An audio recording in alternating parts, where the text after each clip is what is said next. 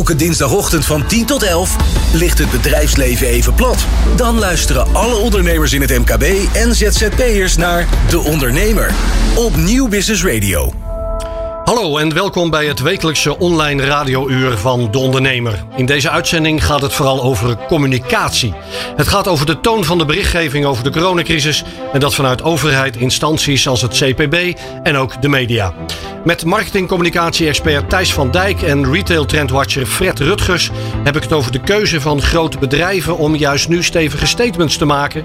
En dat doen ze via allerlei advertentieuitingen. Maar ook hoe je als OMKB-ondernemer de consument op dit moment slim kunt bereiken. Bovendien, we bellen met Hans Biesheuvel, voorzitter van ONL. En met hem gaan we het hebben over de nieuwe aanstaande versoepeling van de coronamaatregelen. Welkom bij De Ondernemer.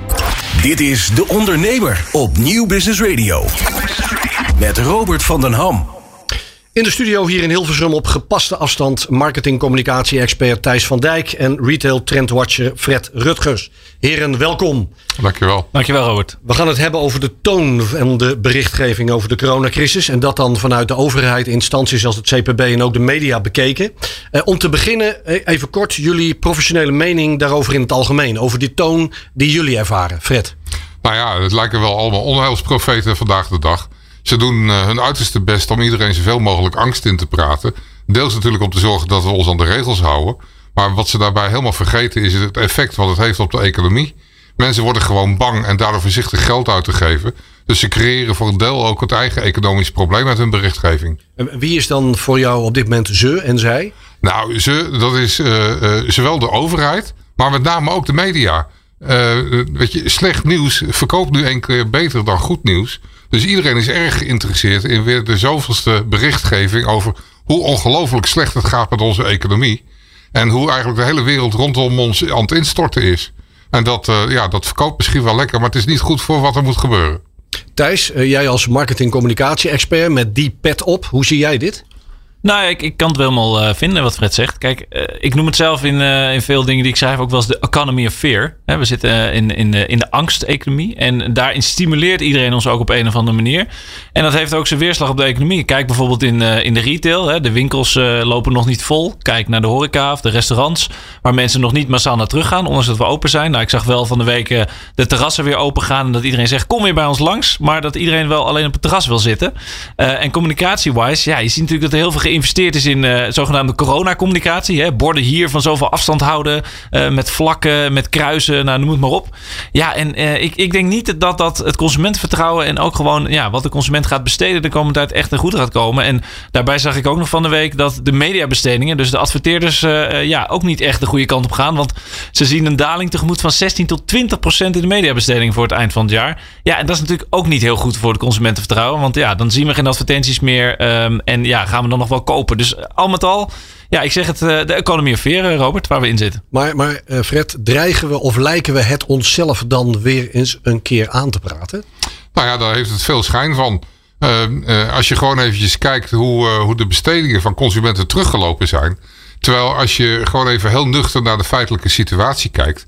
Iedereen die op dit moment nog zijn baan heeft, die heeft eigenlijk geen enkel probleem. Die heeft uh, zelfs netto iets meer vakantiegeld gekregen dan vorig jaar. Uh, en een hele hoop hebben onlangs ook nog een kleine salarisverhoging mogen genieten. Dus er is geen enkele reden voor die mensen om geen geld uit te geven. Dat neemt natuurlijk niet weg dat diegenen die op dit moment wel hun baan verliezen, uh, er wel behoorlijk op achteruit gaan. Maar het is niet zo dat 17% van de bevolking ineens zijn inkomen is kwijtgeraakt. Maar we geven wel meer dan 17% minder uit. Maar die cijfers, dat zijn toch feiten? Die moeten gebracht worden. Uh, ja, maar het ligt er ook wel aan hoe je ze brengt. Weet je, uh, ik kan alles negatief uitleggen. En media en ook de overheid hebben het op dit moment bij voorkeur over het half lege glas. Maar laten we nou eens blij zijn met alles wat we nog wel hebben. En laten we nou eens weer laten zien dat wij echte ondernemers zijn in dit land. Die ook oplossingen vinden voor deze situatie om er wel wat van te maken. Want ik zie voldoende ondernemers die op dit moment hun beleid aanpassen. Hun businessmodel aanpassen, nieuwe verdienmodellen ontwikkelen. En als gevolg daarvan echt aanzienlijk beter draaien dan voor deze tijd. Het heeft een hele aantal mensen ook hun ogen geopend voor nieuwe kansen. Thijs? Nou ja, we zien natuurlijk ook wel een klein beetje een nieuwe realiteit. Ik ben meestal uh, positief ingesteld. Maar uh, op dit moment uh, ben ik wel zo iemand die zegt... ja, we gaan denk ik pas de realiteit zien aan het einde van Q2, van juni. Dan maken de meeste bedrijven de balans op. Je ziet natuurlijk bij heel veel mediabedrijven dat ze bezig zijn met reorganiseren. We hebben onlangs gezien dat er ontslagen bij Mediahuis naar voren kwamen. Dat echt een groot deel van de salesorganisatie eruit moest. Nou, je ziet dat bij Talpa Networks gebeuren. Dus wat dat betreft denk ik wel dat het een beetje een soort stilte voor de storm is. en dat heel veel bedrijven ook Ehm, op de achtergrond aan het reorganiseren zijn en aan het kijken wat Fred ook zegt. hoe kan ik mijn, mijn businessmodellen innoveren? Maar hoe kan ik ook mijn, mijn workforce innoveren? En straks ook misschien uh, ja, in combinatie met het thuiswerken een, een nieuwe manier van werken gaan integreren. Maar misschien wel met minder mensen. Dus ik, maar thuis, ik zie, daar, ik zie daar ook nog steeds wel heel veel passiviteit. En een hele hoop mensen accepteren ineens de nieuwe corona-werkelijkheid. En hebben dus zoiets van: ik moet saneren, ik moet terug, ik moet minder. Niks moet. Je moet ondernemen en je moet eraan en je moet dingen gaan doen. Ja. En uh, ik, ik, zie nu zelfs mensen die, uh, die hebben nog niet eens door dat zometeen die tweede steunregeling ook gaat stoppen. En die zijn nog steeds niet aan het nadenken over wat ga ik zo meteen doen om te zorgen dat ik wel weer geld ga verdienen. Nee, maar ben ik met je Gewoon nu passief wachten totdat corona weg is, is gewoon geen optie. Tenminste, is niet een optie waarmee je gaat overleven. Je moet weer wat gaan doen en dat kan makkelijk.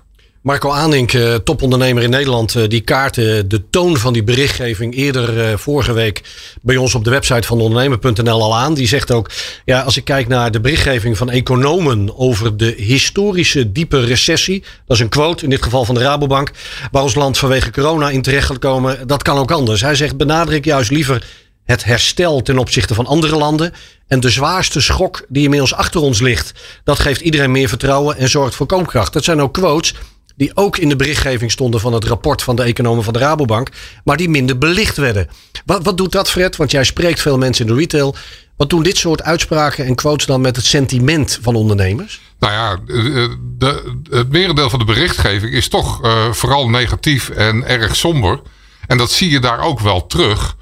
Um, maar ik merk wel dat ze inmiddels al behoorlijk terugveren. Uh, maart, april was droefheid uh, was gewoon de algemene norm.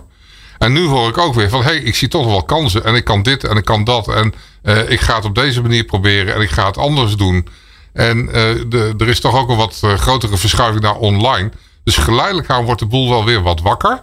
En ze zijn ook over de, de verlammende schok heen. In het begin was het ook een verlammend gevoel. En nu zie je toch dat daar waar ondernemerschap zit, dat dat terugkomt en dat ze weer aan de slag gaan. En dat, eh, dat doet mij deugd om te zien. Thijs, wat, wat is dat dan in die berichtgeving, in dit geval vanuit de bankenwereld, om juist meer dat zwarte scenario te benaderen dan te denken en te schrijven, ook in persberichten, eh, in de vorm van oplossingen? Ja, ik denk dat er bij die banken toch ook een soort uh, eigenbelang bij is. Hè? Je ziet natuurlijk ook heel veel uh, organisaties. Ik las het uh, artikel van Attila Usli. Die zegt ja, het komende jaar zijn we eigenlijk bezig met het betalen van de banken. Dus de banken zijn natuurlijk eigenlijk heel erg gebaat bij ja, het negatieve consumentenvertrouwen. Het negatieve sentiment. Want dan gaan mensen lenen. Dan gaan mensen de banken nodig hebben. Dan hebben ze een soort van noodzaak om, ja, hebben een soort bestaansrecht.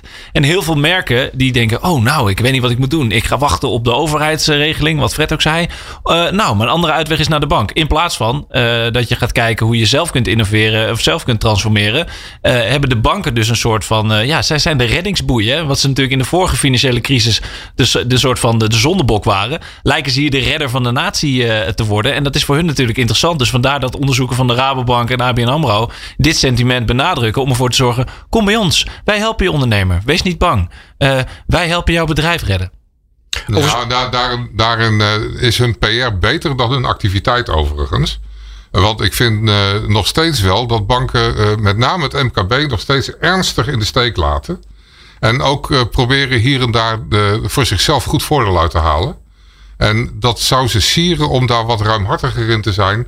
Uh, want inderdaad, in het verleden hebben wij met z'n allen hun geholpen. En nu is het hun beurt en laten ze toch hier en daar wel behoorlijke steken vallen. Maar zie jij, Fred, dan ook een koppeling tussen die toon in die berichtgeving en de rol die ze nu kunnen willen of eigenlijk zouden moeten spelen voor het MKB? Uh, ja, de, de, weet je, ik zie gewoon heel duidelijk dat ze uh, van die somberheid ook wel wat, wat profiteren.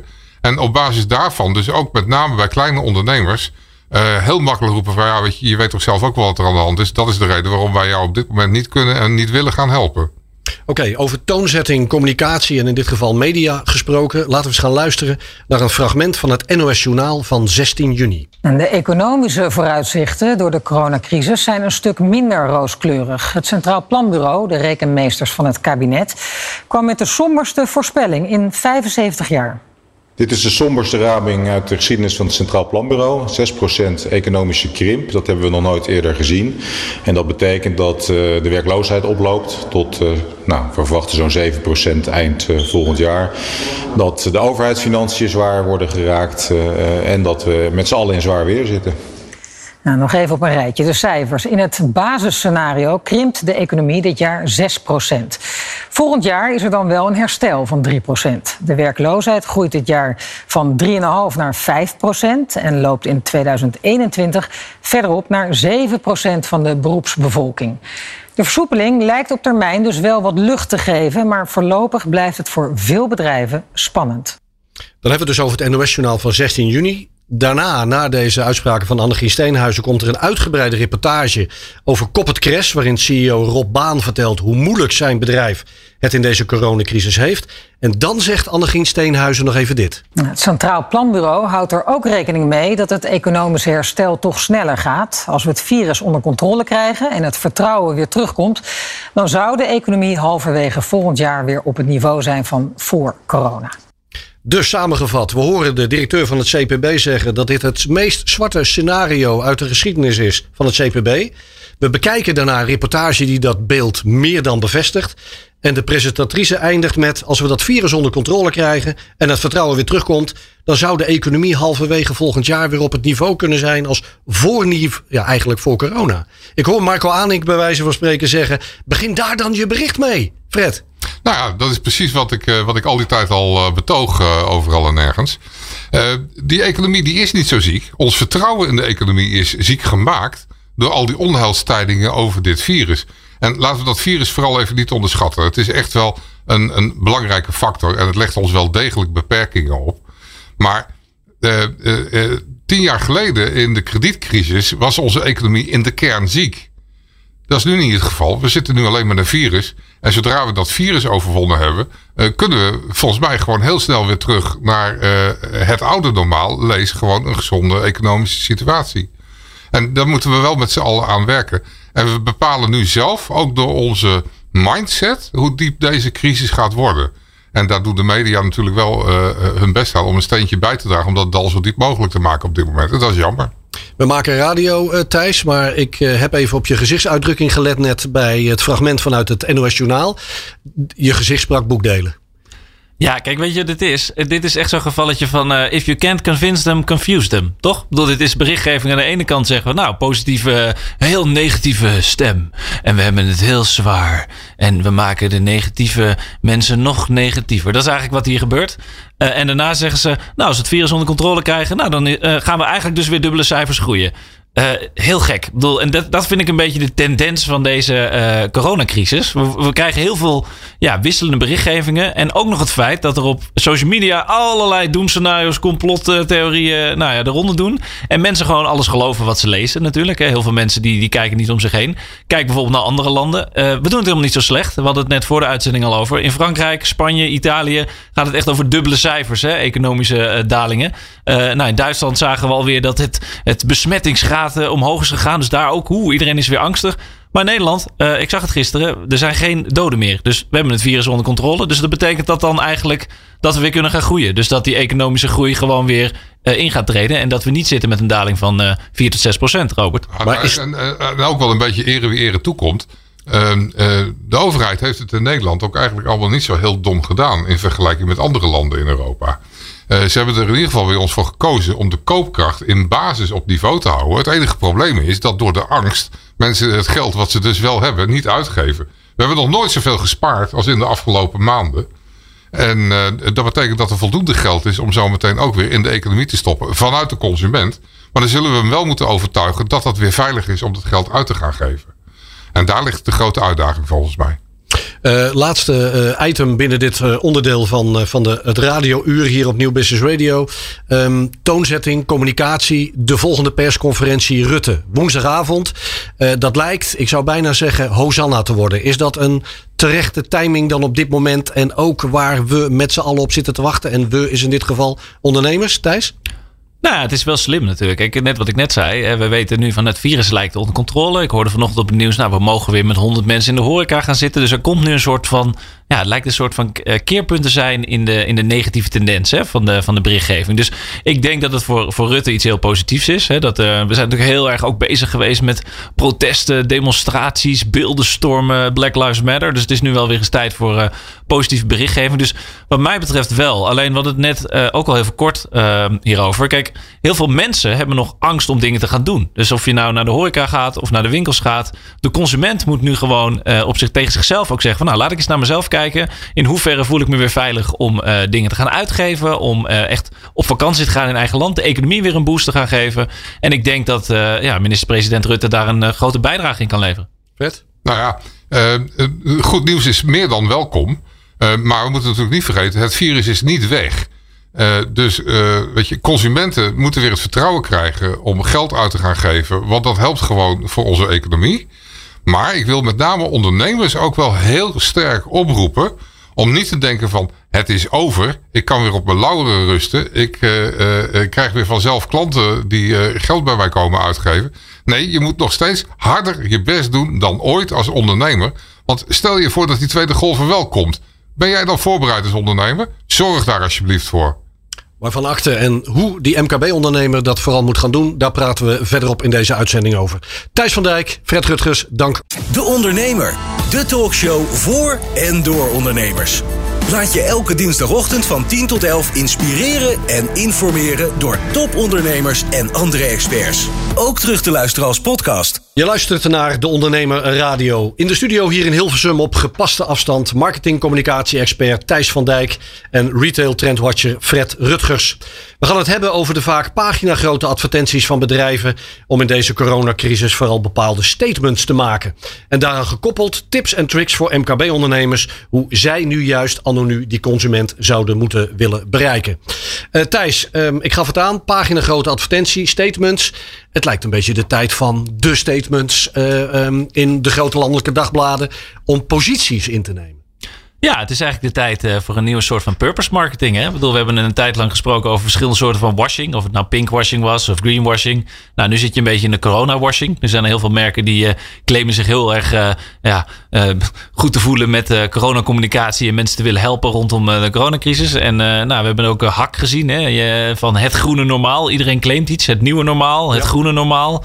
Um, nou, hoe moet je handelen in de Albert Heijn? Hoe moet je handelen in de McDonald's? Hoe moet je handelen in, in de praxis? Dus gewoon om mensen te informeren. Dus aan de ene kant vind ik dat wel goed. Hè, dat merken daarin ook hun positie uh, nemen en daar ook zeggen hun verantwoordelijkheid nemen. Zeggen, nou, wij zijn er klaar voor. Um, een hele interessante die ik uh, van de week nog tegenkwam was ook KLM. Die zegt van, nou, bent u er klaar voor? We hadden het net al eventjes over het consumentenvertrouwen. Hè? Mensen, ga je nou wel in het vliegtuig zitten of niet? Is dat angstig? Moet je een mondkapje om? KLM doet het wel mooi. Die zegt van, nou, als u er klaar voor bent, wij zijn er klaar voor om u naar uw vakantiebestemming te brengen. Dus wat ik, wat ik wel mooi vind, is dat, ze wel, dat er wel heel veel merken bezig zijn met het sentiment dat bij uh, klanten speelt. Of het gevoel wat er uh, rondom verschillende situaties is. Hè, vakantie wel of niet. Uh, dat doen ze wel slim. En um, ja, daarmee spelen ze wel in op op dit moment wat top of mind is bij de consument, waar we het net ook over hadden. Om ja, die angst een beetje langzaam weg te gaan nemen. En dat is op zich wel een slimme tendens, denk ik. In het hele begin hadden we uitingen zoals die van Praxis, uh, vooral richting de consument. Van fijn dat u met z'n allen blijft komen in deze uh, corona-ellende. Maar let wel, als u niet luistert naar onze aanwijzingen, gooi je wat rechte deuren dicht. Want dat was toen die pagina gro grote uiting van Praxis. Onder andere in het AD. Albert Heijn en McDonald's deden dat daarna op hun manier. En nu lazen we inderdaad ook wederom in het AD afgelopen weekend Hak. Dat goede normaal, Thijsje kondigt het al aan. En waarin Hak, uh, Fred, onder meer zegt: De manier van voedingsvoorlichting heeft de afgelopen 30 jaar helaas onvoldoende gewerkt. Dat kan anders. Punt. Dit soort statements ineens in deze tijd. Hoe logisch vind jij dat? Ja, ik vind het eigenlijk uh, meer dan logisch. En ik zie hierin ook een enorme kans. Uh, we hebben nu door corona een, een, een, veranderende situatie in distributieland. En steeds meer mensen vragen zich af of we nou eindeloos door moeten gaan met het zeven keer de wereld rondslepen van goederen, producten, mensen enzovoort. daar gaan we nu met z'n allen over nadenken. En ineens zie je dat er veel meer lokale producten gekocht en gepromoot worden. dat, dat ook retailers, met name bij hun assortiment, meer kiezen voor kleinere aanvoerstromen tegelijkertijd die sneller komen, die verser zijn, die van dichterbij komen. Uh, waarom moeten uh, blauwe besjes per se uh, uit Chili komen of nog verder weg als het even kan? en je ziet zelfs nu dat er ook met name de duurzame supermarkten meer voet aan de grond krijgen, omdat we ons beginnen te realiseren: moet ik nou per se het hele jaar door die blauwe besjes ook op mijn bord kunnen hebben en willen hebben? Ja, en daar, daar ontstaat een enorme nieuwe bewustzijnsvorming. En ik denk dat we daar in de retail uh, en sowieso in het hele MKB meer op in moeten spelen. We hebben fantastische lokale producten. En je ziet nu ook dat ze denken van... hey, kan ik een lokale ondernemer helpen door mijn producten in Nederland te laten maken... in Nederland te laten kopen? En ja, we gaan het straks nog even hebben over de HEMA. Daar ligt bijvoorbeeld ook voor de HEMA een enorme kans om eens te gaan kijken, kunnen we meer Dutch design in onze winkels gaan voeren. Met gewoon kwalitatieve producten. Ik heb pas geleden een post gezet op LinkedIn. En daarin heb ik geroepen, hoe lang gaan we nog door met het inkopen van goedkope troep uit China die binnen zes maanden tot afval bevorderd is. En als je ziet hoeveel mensen daarop reageren, dan ben ik zelf, was ik echt wel van onder de indruk. Meer dan 5000 reacties in, in, in slechts twee, drie dagen. Dus het, het leeft echt. Terug naar dat rechtvaardigen, hè? want zo uh, die reacties horen wij ook wel. Dat consumenten zien van, wacht even, deze tijd wordt nu aangegrepen om eigenlijk het beleid van voor de coronacrisis, wat misschien niet even duurzaam was als we toen riepen of hadden doen willen geloven, om dat ineens te rechtvaardigen. Nu via die uitingen, die statements in, uh, in de dagbladen. Kan dat een sentiment zijn zoals het ook wordt opgepakt door consumenten? Is dat ook wat jullie terug horen? Of is dit gewoon juist de perfecte timing, het moment om dit te gaan roepen, Thijs? Nou ja, het, het, verschil denk ik per merk. Ik denk dat we, als we dit hakvoorbeeld even nemen, hè, als we de quote, ik vind het een mooie quote, plantaardig en lokaal. Dat wordt het groene normaal. Dat, dat bekt natuurlijk ook lekker. Ja. Uh, en wat zij natuurlijk slim doen, is heel erg inspelen op het juiste moment. Dit is, dit is bijna een soort inhaker. Iedereen is bezig met, ik moet gezonder leven, ik moet mijn corona kilo's verliezen, ik moet uh, meer groente eten, want ik ben alleen maar aan het eh, bestellen bij thuisbezorgd of bij Deliveroo. Uh, dat doet Hak natuurlijk heel slim. En daarnaast is het een soort nieuwe manier van purpose marketing. Hè, wat je ook kunt uitschrijven als wat ik eerder al zei, greenwashing. Maar dat doen ze niet, want ze maken het dus kennelijk waar. Want de consument zegt, nou, ik geloof het wel. En dit past bij een merk als hak. Maar ik denk dat het wel belangrijk is dat je als merk gewoon kijkt van ja, als ik iets ga claimen, dus als ik een bepaald sentiment ga omarmen, of ik ga iets proberen te veranderen, of ik ga met het nieuwe normaal aan de gang, of het groene normaal, of nou ja, dan kunnen we nog wel even twintig voorbeelden noemen. Uh, dat je dat ook waarmaakt. En heel veel merken in de afgelopen tijd zijn heel erg van het uh, ja, tweet to tweet, zal maar zeggen. Hè? Fred zei het al, ik uh, post wat op LinkedIn en dan gaan er mensen reageren. Nou ja, wel goed, er zijn natuurlijk in de Black Lives Matters discussie zijn er duizenden merken geweest die gewoon hebben getweet. Maar wat ga je daar dan ook aan doen? En bij Hak, nou, ik geloof wel dat ze dat gaan doen. Dat zij ook echt daadwerkelijk met, met, de, met de lokale telers gaan werken. Dat ze ook echt hun chain gaan veranderen. En dat ze het ook echt wel Um, ja, de bedoeling is dat de consument gezonder gaat eten. En dat je dat dan met hak doet, ja, dat is dan logisch. Dat is dan top of mind. dat is slimme marketing. Ik ben het wel met Thijs eens. Uh, diegenen die hierop inhaken, moeten daar wel uh, heel voorzichtig uh, mee zijn. En ook erg overtuigd zijn van het feit dat hetgeen ze beloven ook waargemaakt kan worden. Consumenten zijn vandaag de dag niet zo naïef meer als, als in de jaren 50, dat ze zomaar alles willen geloven. het kan ook heel gemakkelijk op internet gecontroleerd worden. En je, je ligt ook veel meer onder een vergrootglas. Dus als jij nu ineens zegt van nou weet je, wij gaan het veel duurzamer doen en wij gaan de planeet centraal stellen. Dan moet je er rekening mee houden dat je er ook op afgerekend gaat worden als je dat niet vervolgens ook echt waar maakt. Dus ja, het is, het is makkelijk scoren, het is aantrekkelijk scoren. Maar het leg je ook wel de verplichting op om er ook echt achter te gaan staan en iets beter gaan doen. En dat hoort ook zo, vind ik. Nou, ik heb nog wel een voorbeeld uit het verleden waarin dat misschien minder goed ging. Eh, laten we, hebben het net even over de banken gehad. Uh, Rabobank, die claimde in het verleden: Growing a better world together. We're solving uh, world hunger. Nou, dat werd ze niet helemaal in dank afgenomen. En die campagne hebben ze eigenlijk terug moeten trekken, omdat ze ja, een belofte deden aan de wereld die ze nou, als bank niet waar konden maken. Uh, nou ja, zo zijn er nog wel een, eh, een aantal uh, voorbeelden te noemen, ook tijdens de, de Black Lives Matter campagne. Dus het is heel belangrijk om je daar als merk bewust van te zijn. En wat Hak slim doet, uh, is gewoon heel erg inspelen op een behoefte die al in de consuments hoofd zit. hey, ik moet gezonder gaan eten. En ja, ik wil die lokale ondernemers helpen. Want dat willen we allemaal. Hè? Elke Nederlander zegt nu van nou, ik ga liever nu uh, bij, een lokale, uh, bij mijn lokale restaurantje eten, bij mijn lokale barretje langs, dan dat ik misschien naar een grote keten ga. Hetzelfde geldt voor je kleren. Ik ga misschien niet meer naar de Zara, maar misschien ga ik dan naar de Hema om ze te helpen met die schuldenlast. Nou, daar gaan we het straks ook over hebben. Maar dat zijn natuurlijk interessante dingen. En als je daar als merk gewoon slim op inspeelt, maar ook als lokale ondernemer, gewoon kijkt van wat is het sentiment wat in je buurt speelt. Wat is er bij mensen op dit moment aan de hand? Speel je daarop in, zet de klant centraal en zorg dat je een service biedt waardoor mensen zich welkom voelen. Ja, dan ga je ook gewoon profiteren eigenlijk van, uh, van de situatie die nu ontstaan is. Nou, hadden het dan pas over de voorlichting rondom voeding. En ik zie op dit moment zie ik een ongelofelijke kans uh, in met name de food retail. We leggen daaruit uh, hoe gezond een product is. Uh, we leggen daaruit uh, hoe zich dat verhoudt binnen de schijf van vijf. En of het een uh, wel of niet aanbevolen product is. Maar ik zou het ook wel erg interessant vinden om op steeds meer producten. En niet alleen in de food, maar ook daarbuiten. Een soort van CO2-index te zien. Dat we kunnen zien wat voor impact het nuttigen van dat product of dat voedingsmiddel heeft op onze ecologische footprint. Fred, jij pleit voor een CO2-stempel. Ja. Voor nog meer bewustzijn, maar dan op dat gebied. Ja. Voor de consument. En dat, dat, dat geeft ook tucht aan de markt. En die kans is er nu. En uh, die moeten we pakken. Want uh, weet je, er is wel een plan B, maar geen planet B. Als we dit gaan vertalen naar de MKB-ondernemer, naar de retailer, uh, ook bij jou in de winkelstraat, uh, Fred. Uh, wat kunnen wij hier voor lessen uithalen? Hoe zou ik anno nu die consument moeten willen vangen om niet alleen naar die winkelstraat te komen, want dat is al één, hè, want dan ben je al van de ja. online wereld vandaan, maar ook daadwerkelijk weer bij mij te gaan kopen. Wat zijn nu de belangrijkste lessen? Nou, weet je, je moet, je moet komen met een verhaal wat klopt. En als ik jouw verhaal niet snap, ga ik er niet op in. Uh, dus je zult heel duidelijk uit moeten leggen waarom of jij op dit moment een aantrekkelijk aanbod hebt. Waarom of het de moeite waard is om mijn veilige huis uit te komen en jouw winkel uh, te gaan bezoeken. En uh, wat jouw aanbod onderscheidend en verantwoord en aantrekkelijk maakt. Ja, en daarbij moet je daar een eerlijke prijs voor hebben en ook die moet je uit kunnen leggen. Nogmaals, alles wat ik niet snap, ga ik niet accepteren.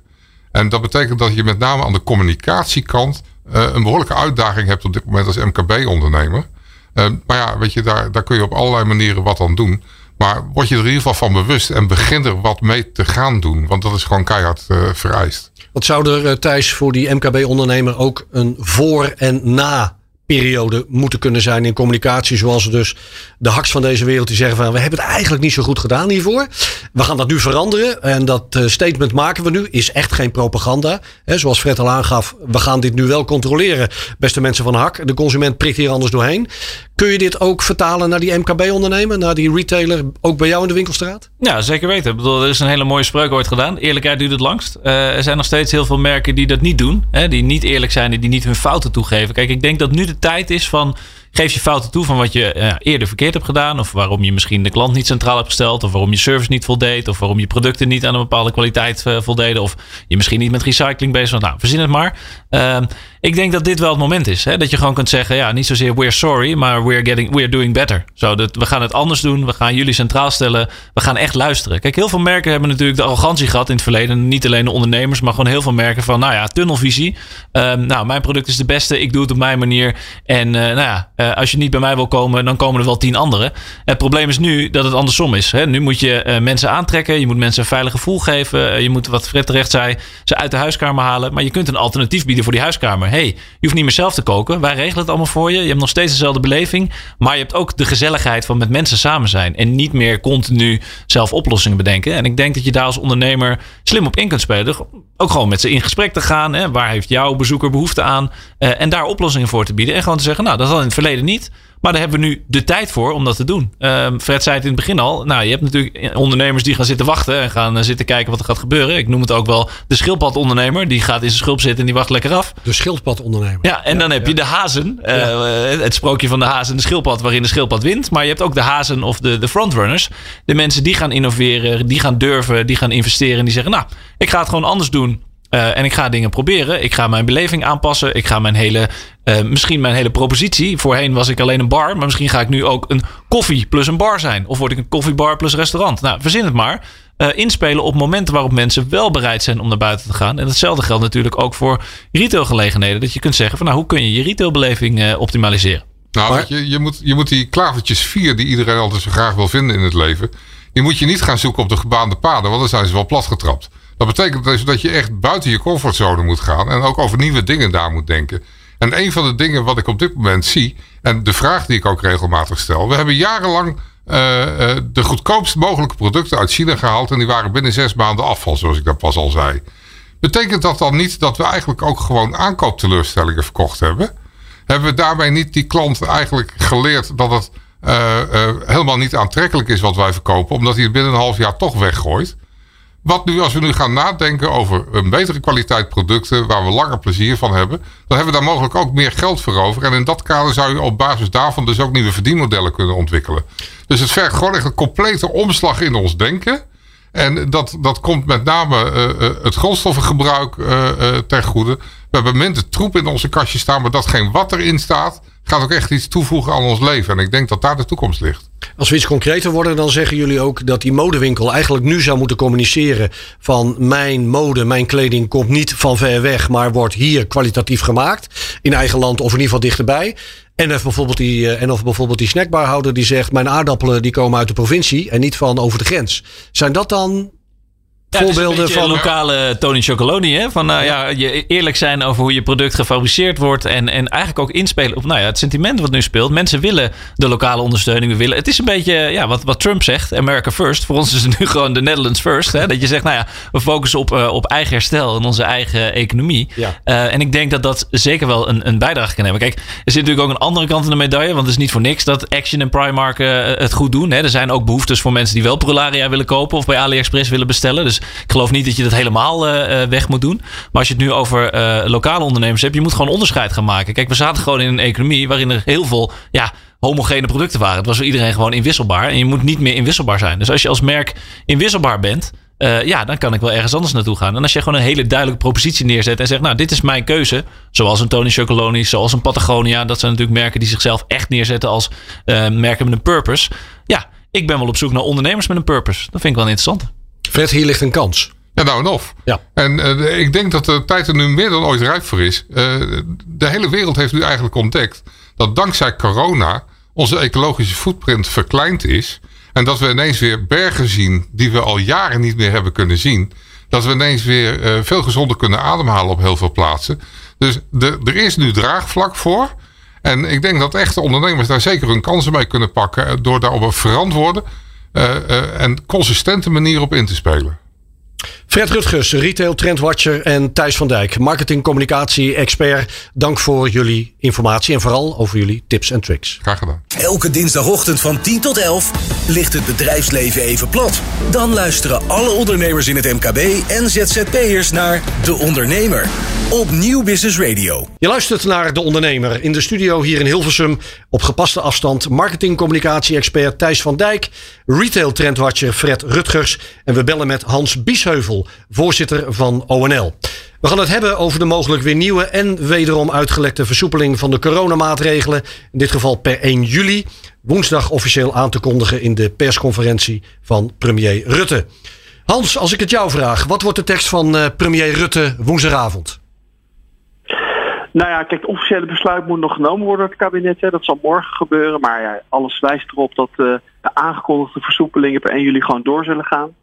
Eh, en ik denk nog een paar kleine stapjes voorwaarts eh, ten opzichte van de vorige persconferentie. Ik vermoed dat de kleine kermissen, de dorpskermissen, die eh, officieel dan per 1 september stonden, wel al per 1 juli mogen. Dus die kermisexploitanten zullen wel blij zijn, denk ik. Kunnen ze toch nog wat van het seizoen maken. Ehm, en ik vermoed dat het aantal bezoekers van een evenement, eh, nou dat dat aantal ietsje opgehoogd zal worden. Dus misschien wel naar 200 of 300 me- eh, mensen, maar dat weet ik nog niet helemaal zeker, maar dat vermoed ik wel. Ja. En dat, eh, dat zal wel ongeveer het pakket zijn. Ja, verder eh, gisteren bevestigde Koninklijke Horeca Nederland al de maatregel van 30 naar 100 gasten. En ook dat sportscholen, sauna's en kantines en casino's weer opengaan. dat kwam uit de geruchtenstroom voort per 1 juli. Ja. Kun jij dat iets meer bevestigen ook Hans, dat laatste? Ja, klopt. De, de, de casino's en de sportscholen mogen ook. Gelukkig ook de bowlingbedrijven. Wij vertegenwoordigen ook de bowlingbedrijven. Ja. mogen gelukkig ook per 1 eh, juli open. Die hebben het heel lastig gehad de afgelopen maanden. En dat zijn vooral natuurlijk horecabedrijven. En die mochten toch nog niet open. Omdat nou, bij het ministerie is onder, de boek, onder het kopje binnensport staan. Dus die, maar goed, die mogen 1 juli ook weer starten. ja, en weet je wat er ook speelt? de, de economische rekening, hè, die loopt natuurlijk voor het kabinet nu enorm hoog op. Ja. De, we hebben, minister Hoekstra zei in het begin van de coronacrisis, ja, onze zakken zijn diep. Maar goed, inmiddels is daar al heel veel tientallen miljarden zijn naar uitgevlogen.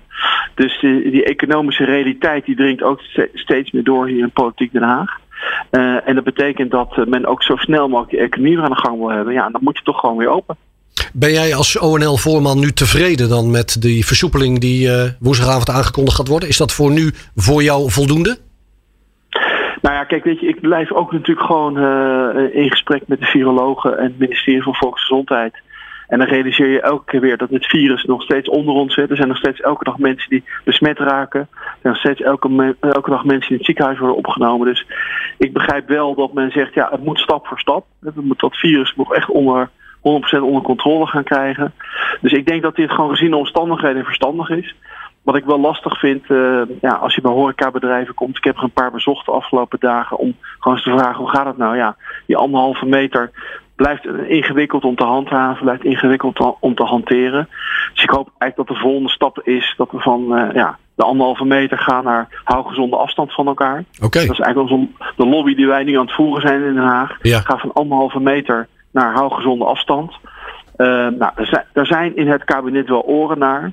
Maar goed, die zijn nog niet helemaal in de meerderheid. Maar ik hoop toch dat we deze zomer zeg maar, toch die slag nog kunnen maken dat uh, uiterlijk eind van de zomer naar die gezonde afstand kunnen in plaats van anderhalve meter. Want je ziet gewoon toch in heel veel bedrijven dat het met die anderhalve meter, ze zijn dan weliswaar open, nog steeds lastig is om echt geld te verdienen. In de studio uh, retail trendwatcher Fred Rutgers. Fred, als je dit hoort, de versoepeling die aanstaande is, die morgenavond bekendgemaakt zou kunnen gaan worden. Wat gaat dat volgens jou doen met het vertrouwen van de consument? Nou, dat is in ieder geval weer een stap in de goede richting. Maar ik denk dat in de communicatie over deze versoepeling uh, daar ook wel even aandacht aan besteed moet worden. Om gewoon ook aan die consument en aan die retailers en MKB'ers uit te leggen wat dit nu daadwerkelijk voor hun gaat betekenen. Uh, en ja, het is gewoon wel keihard nodig. Weet je, in, in horeca is op dit moment eigenlijk geen haalbaar exploitatiemodel uh, te doen. Het is hooguit een beetje schadebeperkend in de gunstigste gevallen. Er zijn nog steeds ondernemers die hun deur dicht houden. Omdat de maatregelen meer kosten dan het beetje omzet wat ze kunnen genereren. En ook in retail speelt dat, uh, speelt dat probleem nog steeds. Uh, je moet eigenlijk gewoon klantonvriendelijke uh, dingen doen. die je als ondernemer eigenlijk niet wilt doen. Maar het is wel heel belangrijk. Een ander ding van het hele verhaal is ook nog een keer. Dat de handhaving zo meteen nog lastiger wordt. Want als jij als ondernemer tegen je klanten moet zeggen: van, joh, let even hierop en let even daarop hebben ze, hoezo? Uh, uh, alles kan weer, alles mag weer. En weet je, er is gisteren geen dooie gevallen, dus het hele probleem is over. Nee, dat virus is niet weg. We hebben het nu even onder controle, dankzij een aantal maatregelen. En ik denk dat het erg belangrijk is dat we met z'n allen ons gezonde verstand er ook wel vooral bij houden. want dan kunnen we weer bouwen aan de economie. Als we nu te nonchalant worden, gaat dat virus kop weer opsteken en zijn we weer terug bij af. En dan moeten ineens allerlei dingen die nu weer mogen, moeten weer verboden worden. En dan hebben we pas echt een probleem. Want Hans, uh, jij denkt, uh, dat hoorde ik net ook in jouw eerste commentaar, dat juist dat zwarte economische perspectief nu meer dan ooit ook een rol heeft, uh, heeft gespeeld in die aangekondigde versoepeling? Ja, zeker. Kijk, ik bedoel, we hebben natuurlijk gezien gisteren ook hè, dat nou ja, de cijfers, het consumentenvertrouwen is ongekend hard gedaald, zeg maar, ja. de afgelopen periode. Ja. harder dan ooit, zeg maar, zei het CBS. Dus dat is verontrustend. Uh, nou ja, het aantal mensen wat natuurlijk een uitkering aangevraagd heeft of een, uh, een, een ondersteuningsmaatregel, uh, die, die TOZO-regeling, is natuurlijk gewoon gigantisch. Hè. Meer dan 350.000 ZZP'ers hebben een beroep gedaan op die, op, die, regeling. Dus ja, dat voelt het kabinet natuurlijk ook. Er zijn nog heel veel bedrijven, wat in de metaal en de bouw, hè, die de echte klappen moeten krijgen.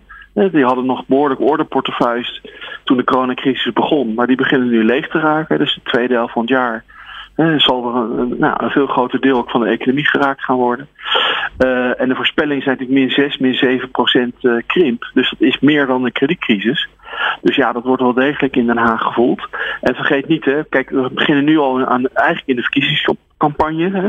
Mona Keizer, eh, vandaag de ja. kandidatuur aangekondigd bij het CDA. Nou, we hebben Hugo de Jonge gehoord, minister Kaag. Dus Den Haag komt in de band van de verkiezingen. Zeker na de zomer zal dat ja, alles gaan domineren. Nou, we weten allemaal, politici willen liever geen bezuinigingen aankondigen. Hè, of een verhoging van je zorgpremies, dat soort dingen. Dus die hebben er ook alle baat bij dat die economie weer gaat draaien. En dat ze een nou ja, wat vrolijk verhaal kunnen vertellen. dus ik denk dat die, die, die drang zeg maar, alleen maar zal toenemen. Als je die optelsom zo hoort, uh, Thijs van Dijk, marketing- en communicatie-expert, ook bij ons in de studio vandaag. En je hoort die optelsom van motivatie vooral om tot die versoepeling over te gaan. En je kijkt straks naar die communicatie, de manier waarop we dit aan Nederland en in dit geval vooral ondernemers gaan vertellen. Hoe zie jij dat voor je? Ja, ik denk dat dat ook wat, we, ehm, wat, wat iedereen terecht zegt. Kijk, het gaat natuurlijk ook over hoe je dat, dat sentiment een beetje ombuigt. Hè? Kijk, de consument is een beetje boos, is gefrustreerd. Iedereen is gefrustreerd. Er is heel veel woede. En we gaan de straat op, we gaan protesteren, we gaan beelden omvergooien. Nou, er is heel veel boosheid die nu naar voren komt. En als we die boosheid ombouwen naar blijheid, dan gaan mensen ook weer blij zijn om iets te kopen. Je gaat pas iets kopen als je eh, blij voelt, als je positief voelt. Dan ga je ook weer op vakantie. Van blijheid kun je angst wegnemen. En we zitten natuurlijk, eh, wat ik in het begin al zei, in de economy of fear. We leven in de angsteconomie. En als je angst ombouwt in positiviteit en blijheid, eh, daar zit het allemaal mee. Dus ik denk dat de persconferentie van morgen en ook de manier hoe dat verder op sociale media en andere media gecommuniceerd gaat worden, een hele positieve uitstraling moet hebben, glimlach moet hebben. In plaats wat we net hoorden bij het NOS-journaal met een hele down voice. Ik denk dat het heel belangrijk is dat, dat daar heel veel tijd in wordt gestopt. En als dat gebeurt, dan gaat de consument het ook weer geloven. Dan gaat de consument weer naar buiten. Dan gaan die ondernemers, dan gaat iedereen het weer geloven. En dan gaan we elkaar naar een hoger niveau tillen. Waarmee we ook samen weer de economie naar een hoger niveau kunnen tillen, denk ik. Hans, ervaar jij dat ook bij NL, ONL, bij jouw ondernemers, die, die angsteconomie? Dat gevoel? Nou, nou, gedeeltelijk hoor. Kijk, als je natuurlijk, we hebben veel evenementsbranches uh, bij ons aangesloten bijvoorbeeld. Uh, en wat ik al zei, de bowlingbedrijven, dat soort type ondernemers, ja, die hebben natuurlijk nog steeds heel moeilijk. Want die ja, maken geen omzet, staan allemaal aan de rand van de afgrond. Dus daar is het inderdaad somber. Maar ik kom ook, uh, ik had hier voor, van de week nog een club op bezoek van IT-bedrijven. Die zitten allemaal in de, in de cybersecurity hoek.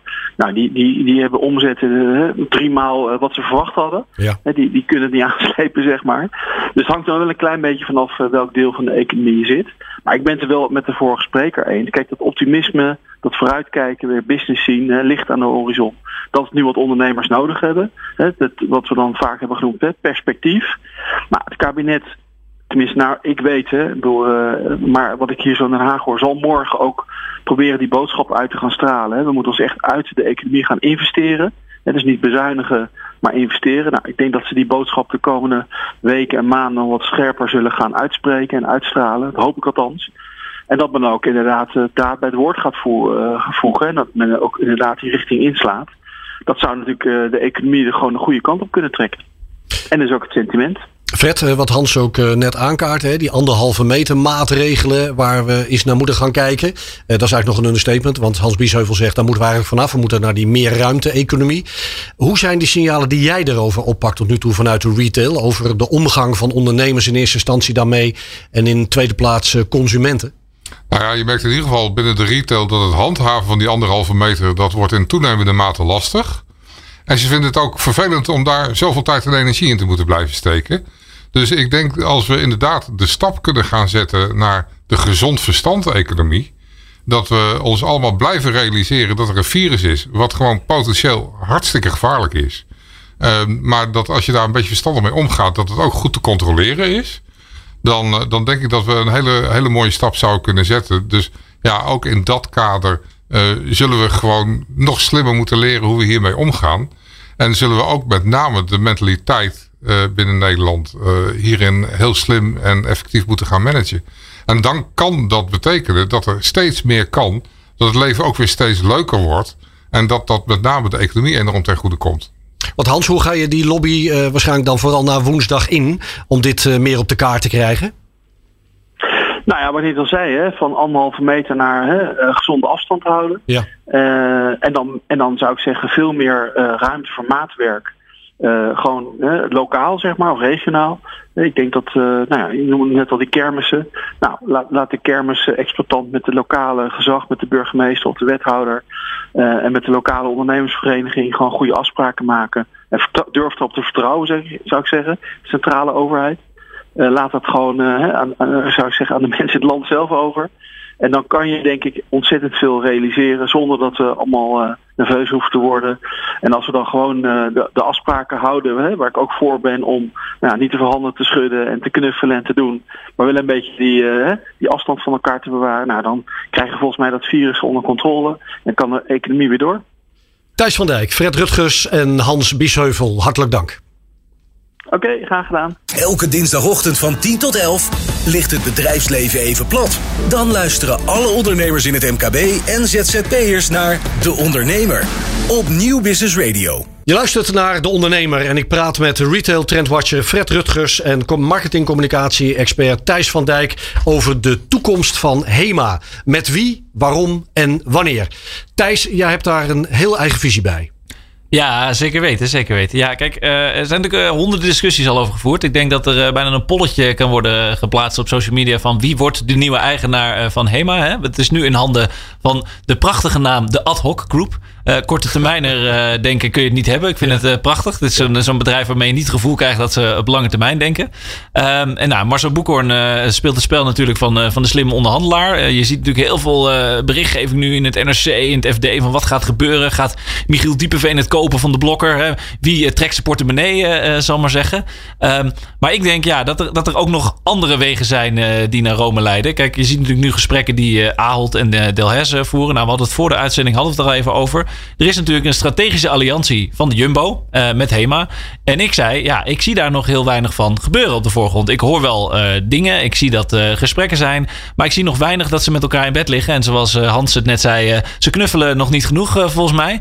Um, dus ja, ik, ik voel wel een mogelijkheid dat of zeggen van nou, Jumbo en Hema gaan meer met elkaar knuffelen. En zo niet, ga eens kijken bij Ahold Delhaize, waar natuurlijk ook gesprekken zijn. Volgens mij zou dat een mooie stap in de richting zijn om Hema ook te innoveren en te laten overleven in het straatbeeld. Want ja, we willen toch allemaal dat dit mooie Nederlandse merk toch overleeft. Fred, heb jij Frits van Eert ook op, op één staan? Uh, ja, zeker. Ik, uh, ik wil niet uh, per se de nieuwe uh, Ruud uitbrik Brodder worden met knuffelen.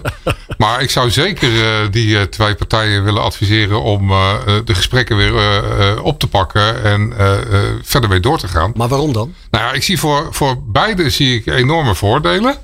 Ehm, met name voor HEMA, want de, de grootste nachtmerrie is dat HEMA wederom in handen van een groep sprinkhanen valt. En ik zie, uh, ik zie Jumbo, CQ Frits van Eert gewoon als een hele serieuze, gedegen ondernemer. Die ook een stuk visie heeft. Die ook de financiële draagkracht heeft om dit te doen. Waarbij hij niet gelijk helemaal financieel helemaal leeg hoeft te trekken. En ik zie ook de hele duidelijke synergievoordelen. Um, uh, een aantal delen uit het Laplace concept uh, kunnen heel mooi in HEMA geschoven worden. En als HEMA de goede stap maakt door de goede producten in het schap te krijgen, kan dat ook met name de non-food sector van Jumbo een forse impuls geven. En in de internationale food retail zie je toch dat uh, ook een goed non-food uh, aanbod daarin steeds belangrijker wordt. Dus ja, ik geloof heel duidelijk in, in, in die optie. En ja, ik zou wel nadrukkelijk ook HEMA willen aansporen om zo meteen ook meer een soort van Dutch design bedrijf te worden. Weet je, de, bijvoorbeeld een uh, IKEA, die staan bekend om uh, kwalitatief goede producten waar je lang plezier van hebt. Die heel slim in elkaar gezet zijn, heel slim geproduceerd worden en heel slim gedistribueerd worden. Ja, en daar zie ik uh, voor HEMA ook een kans. zowel bij hun ondergoedsectie, maar ook bij de vele gebruiksartikelen. Kom gewoon met kwaliteit waar je jarenlang plezier van hebt mijn oma heeft nog steeds oude HEMA-producten in het kastje staan. Precies. Uh, Die gewoon nog steeds hartstikke goed zijn. En die iedereen herkent van, hé, hey, dat is HEMA. Dat moet er weer gaan komen. Thijs, uh, geen gevoel dan bij die twee burgerinitiatieven die er zijn... en die elkaar nu ook gevonden hebben om HEMA te redden? Nou ja, ik vind het een, uh, een leuk initiatief. Hè? Een beetje een soort uh, crowdfunding. Maar ik ben zelf niet zo'n hele grote voorstander van crowdfunding initiatieven. Want dan krijg je toch een beetje een soort leadership issues. Weet je wel, wie wordt dan de kapitein op het schip? En dan uh, krijg je vaak toch weer wat je nu ook ziet bij die schuldeisers. Dat ze alweer aan het proberen zijn om HEMA failliet te laten verklaren. Rond voor 54 miljoen euro las ik vandaag in het FD. Dus ja, je krijgt toch een beetje landjepik. op een gegeven moment van wie heeft de langste. Ik heb meer zoiets van... Kijk, ik denk aanvullend op wat Fred zegt. Ik, ik kan hem deels erin volgen. Maar ik denk dat er ook nog een soort, ja, zoals we dat in marketingtermen noemen, omni-channel strategie moet plaatsvinden. Hè? Dat de fysieke winkel en de digitale winkel een, een frissere uitstraling uh, gaan krijgen. Ik las het uh, in het boek The Future of Department Stores van uh, Stefan van Rompuy. Die zei het mooi. Die zei twee dingen. Die zei eigenlijk van het moet frisser, het moet gedurfder en vernieuwender worden hè, als je de, de HEMA inkomt. Maar dat geldt niet alleen voor de fysieke HEMA, maar dat geldt ook voor de digitale HEMA. Kijk, voor mij is de digitale HEMA, als je naar HEMA.nl gaat, nog steeds een soort veredelde reclamevol. Er is heel veel aanbod, maar ik heb niet het gevoel dat ik daar nou echt een heel welkom gevoel ben uh, krijg als consument. En uh, wat hij leuk zei was, hij zegt, nou als je in de retail zit, dan moet je in de Champions League spelen. Kijk naar Lafayette, kijk naar de Bijenkorf, kijk naar wat Hudson's Bay heeft geprobeerd, wat helaas gefaald is. Maar je moet niet in de keukenkampioen-divisie gaan voetballen, zoals uh, de HEMA nu doet. Hè? Dat je een beetje aan de onderkant van de region zit. En, ja, en, en daarbij de stap maken naar het omarmen van digitale technologie. Dus ga ook eens kijken van hoe kun je nou gaan inspelen op wat die consumentbehoefte is. Nou, die wil inderdaad, wat Fred zegt, een bepaalde beleving hebben.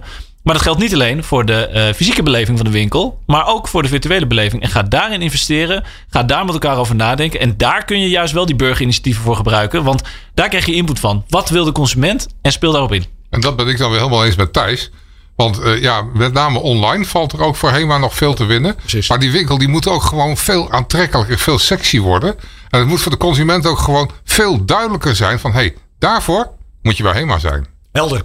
Thijs van Dijk, marketing-communicatie-expert. Fred Rutgers, retail trendwatchers. Ik zou zeggen, jullie gaan voor Frits van Eert en de Jumbo. We zetten er een doosje tompoes op. Altijd goed. We, blijf, we, blijven het volgen, ook op deondernemer.nl. Hartelijk dank voor het luisteren naar dit radiouur op Nieuw Business Radio. Volgende week dinsdag om 10 uur zijn we er weer. En deze uitzending is als podcast terug te horen op deondernemer.nl en op de welbekende podcastkanalen. De Ondernemer, de talkshow voor en door ondernemers. Laat je elke dinsdagochtend van 10 tot 11 inspireren en informeren door topondernemers en andere experts. Ook terug te luisteren als podcast.